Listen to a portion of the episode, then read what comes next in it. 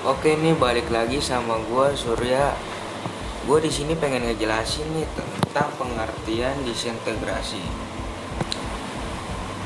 Disintegrasi adalah bentuk perilaku setiap individu dan kelompok yang hidup dalam keadaan tidak aturan. Penyebabnya bisa saja dengan adanya bentuk perubahan sosial yang terus-menerus jadi di setiap sisi kehidupan sehingga masyarakat semakin tidak terkontrol dalam menjalankan aktivitasnya di keseharian.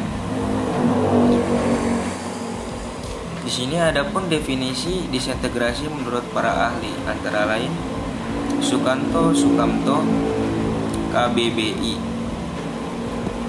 Oh ya, ada juga nih bentuk disintegrasi. Beragam macam disintegrasi yang digolongkan antara lain nih. Disintegrasi sosial, disintegrasi bangsa, disintegrasi keluarga. Apa sih yang dimaksud dengan disintegrasi sosial? Disintegrasi sosial adalah tidak adanya fungsi dan norma sosial yang berjalan. Faktor-faktor disintegrasi nih yaitu bisa dengan konflik, perperangan, sama pertikaian. Oh iya, konflik menjadi faktor yang melatar belakangi seseorang melakukan disintegrasi. Konflik ini sendiri adalah kondisi ketidakpuasan masyarakat terhadap keadaan yang ada.